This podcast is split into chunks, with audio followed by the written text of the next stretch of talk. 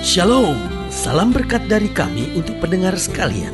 Saat ini pendengar akan diberkati dengan program Hari ini Harinya Tuhan bagian yang ke-8. Sebuah program rohani tentang doktrin Alkitab yang menolong kita untuk semakin tertanam dalam kebenaran firman dan bertumbuh dalam kemuliaan bersama hambanya Pendeta Gilbert Lumuendo, STH.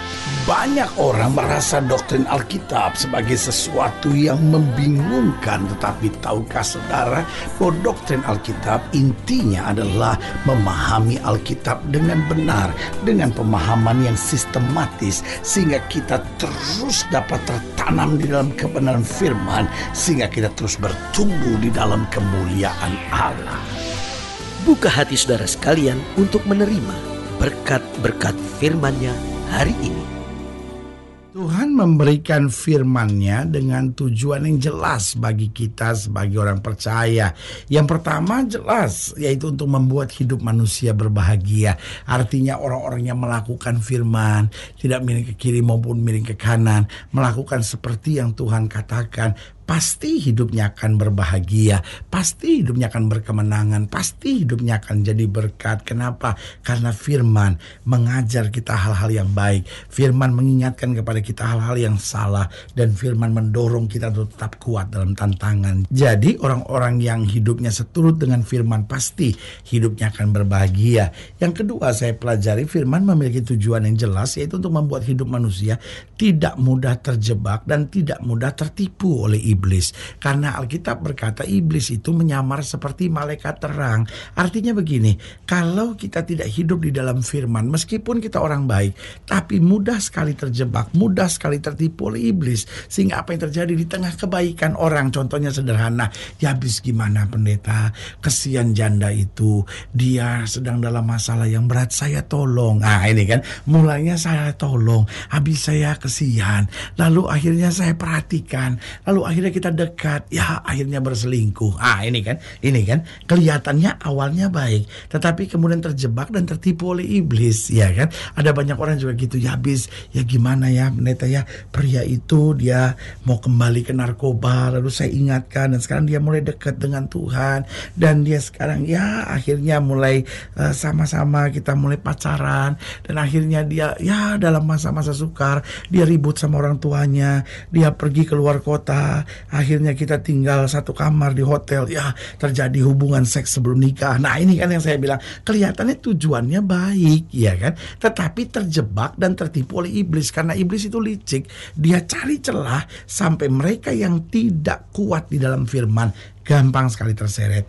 Yang ketiga, tujuan firman itu jelas untuk membuat manusia hidupnya sehat, hidupnya sukses, hidupnya berkemenangan. Karena firman Tuhan mengajarkan kita untuk kita menguasai diri, jangan emosian. Firman Tuhan ajarkan kita untuk kita belajar berserah, untuk kita belajar tenang, untuk kita belajar bersuka cita ngadapin segala sesuatunya. Sehingga mereka yang hidup di dalam firman pasti sehat dan pasti meraih sukses. Dan selanjutnya firman Tuhan itu tujuannya jelas untuk membuat manusia dapat meraih kekekalan. Karena hidup ini bukan hanya bicara sekarang dan sementara, tetapi hidup Kristen itu bicara tentang kekekalan. Kenapa?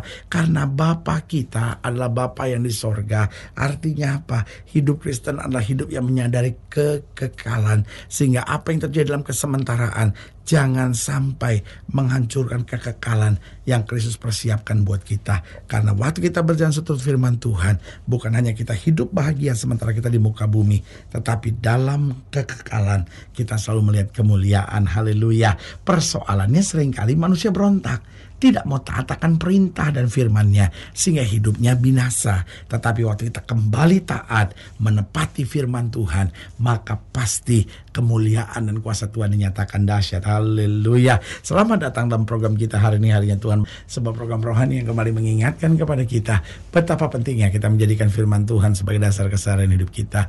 Karena selama kita jadikan firman Tuhan sebagai dasar keseharian hidup kita, langkah-langkah ke depan kita penuh dengan kepastian, kemenangan, berkat, mujizat dan perkara-perkara besar. Haleluya.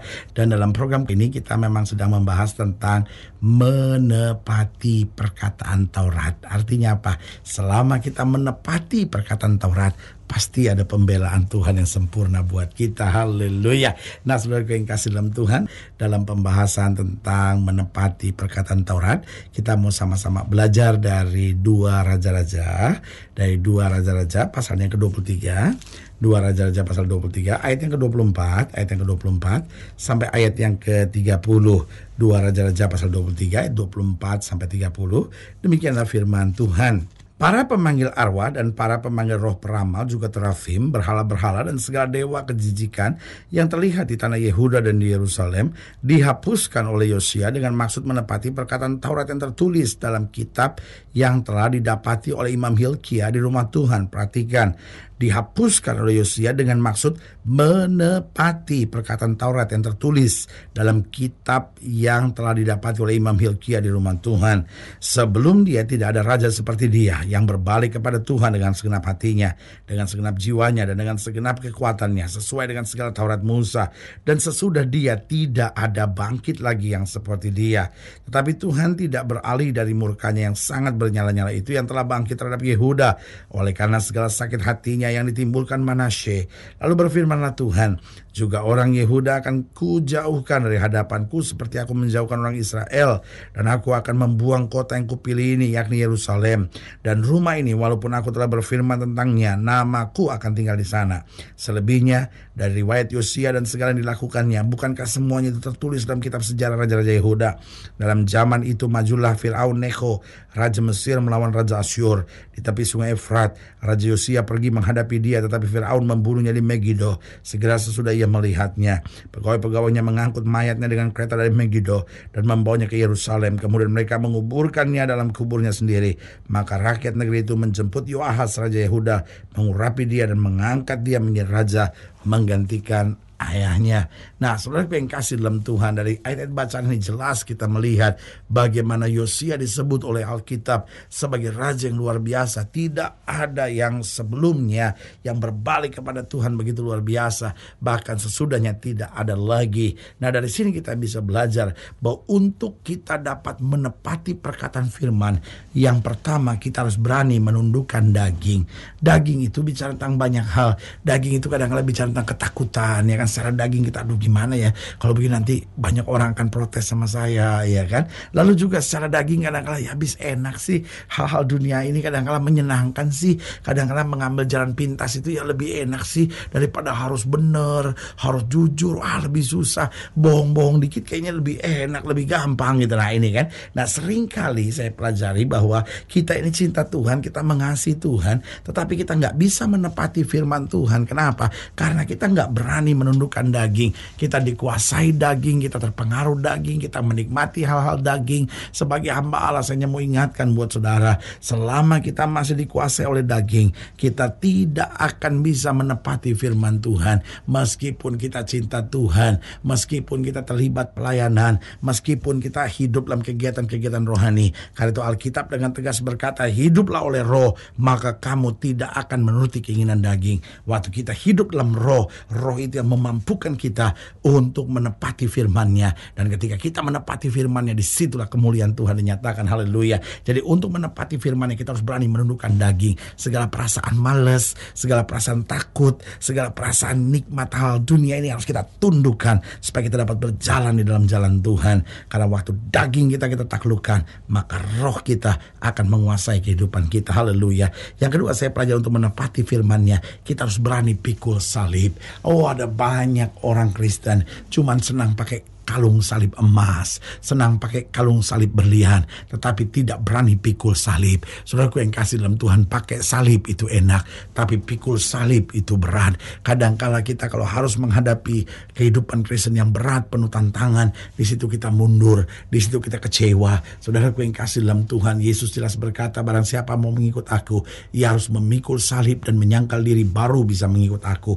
Artinya untuk menepati firman-Nya, kita harus berani pikul salib karena justru dalam pikul salib itu ada ketekunan. Di dalam pikul salib itu ada kemuliaan. Justru dalam pikul salib itu kita melihat kasih karunia Tuhan. akan menuntun kita masuk di dalam kehendaknya yang sempurna. Jadi ingat untuk menepati firmannya kita harus berani menundukkan daging. Yang kedua kita harus berani pikul salib. Yang ketiga kita harus berani sabar dan tekun. Saudaraku yang kasih dalam Tuhan. Karena sering kali untuk proses Allah memakai waktu waktu dan kalau bicara tentang waktu maka perlu sabar dan tekun untuk menantikan mujizat kadangkala kita perlu waktu kita percaya bahwa Tuhan pasti sudah mengerjakan mujizat tetapi saudara gue yang kasih dalam Tuhan untuk mujizat menjadi kenyataan sering kali diperlukan waktu karena dengan waktu itu Allah mendidik kita dengan waktu itu Allah sedang memproses kita dan biasanya persoalannya kita cinta Tuhan tapi kita cuma nggak sabar kita cuma nggak tekun kita mau cuma Tuhan sekarang berbuat. Kalau Tuhan tidak berbuat sekarang sudah. Kalau begitu saya tinggalkan Tuhan. Sebagai hamba Allah saya mengingatkan sabar. Suami-suami kau harus sabar. Pemimpin-pemimpin kau harus sabar. Hamba-hamba Allah kau harus sabar. Karena ketika kita sabar dan tekun, baru kita melihat kuasa Allah dahsyat atas kita. Dan yang keempat saya pelajari untuk menepati firman-Nya. Yang pertama kita harus berani menundukkan daging. Yang kedua kita harus berani pikul salib. Yang ketiga kita harus berani sabar dan tekun. Dan yang keempat kita harus berani untuk melawan arus. Karena saudaraku yang kasih dalam Tuhan, dunia ini arusnya sedang menuju pada kehancuran. Tetapi orang benar harus berani melawan arus, hidup dalam kebenaran. Dan di situ Allah menjalankan pembelaan yang sempurna. Karena saya pelajari begitu banyak Kristen sebetulnya punya hati yang tulus. Sebetulnya punya hati yang sungguh-sungguh mencintai Tuhan. Tetapi nggak berani melawan arus sehingga selalu terseret arus. Tetapi mari kita berani menepati firman Walaupun dunia ini sedang bengkok ketal kitab. Sehingga dunia mau coba lari dari firman. Dunia sedang penuh dengan filsafat-filsafat yang menyenangkan secara telinga. Menyenangkan secara daging. Tetapi biar kita jalan dalam firman. Dan di situ kita melihat anugerah Tuhan sempurna. Haleluya. Saudara yang kekasih dalam Tuhan. Jika saudara ingin dilayani lebih jauh hubungi kami melalui telepon. Hubungi kami melalui surat. Kunjungi website kami. Karena kami ada untuk membawa Bapak Ibu saudara senantiasa lebih dekat pada Tuhan. Dan mengalami kasih kuasa mujizat yang luar biasa. Haleluya. Secara khusus melalui program ini juga saya mau berdoa buat siap saudara yang sakit, siap saudara yang berbeban berat. Karena saya percaya bahwa bagi Allah tidak ada perkara yang mustahil. Nah saudara-saudara yang didoakan secara khusus, boleh taruh tangan kanan saudara di dada dan kita akan berdoa. Mari kita berdoa. Bapa dalam nama Yesus hamba doa buat yang sakit, hamba doa buat yang berbeban berat, hamba doa untuk setiap mereka sedang menghadapi masa-masa yang sukar. Karena hamba percaya bahwa bagi Allah tidak ada perkara yang mustahil. Bapak hamba berdoa di dalam nama Yesus Tuhan jamah. Yang sakit Tuhan sembuhkan, yang lemah Tuhan kuatkan, yang susah Tuhan hiburkan. Bahkan yang jatuh Tuhan angkat, sehingga hari-hari penuh kemenangan boleh berlaku dalam kehidupan setiap pendengar sekalian. Secara khusus Bapak, lihat juga mereka yang tangan kanannya di dada. Karena hari-hari ini mungkin sedang jauh dari firman. Dan mulai hari ini rindu kembali untuk menepati firman firman Tuhan dalam kehidupannya. Hamba berdoa dalam nama Yesus Tuhan jamah. Sehingga anugerah kasih karunia kuasa Tuhan yang sempurna boleh terjadi. Sehingga kami berani menundukkan daging, kami berani pikul salib, kami berani sabar dan tekun.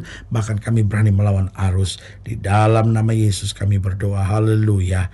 Amin. Saudara yang kasih dalam Tuhan kita sudah berdoa Ingat Allah tidak pernah lalai menepati janjinya. Indah saatnya buat kita untuk bangkit bersemangat Bersuka cita dalam menghadapi segala perkara. Karena kita tahu Yesus hidup, Yesus berkuasa Dan selalu menyediakan yang terbaik buat anak-anaknya. Doa saya menyertai saudara Sampai berjumpa pada program berikut Dan jangan lupa jadikan hari ini harinya Tuhan. Haleluya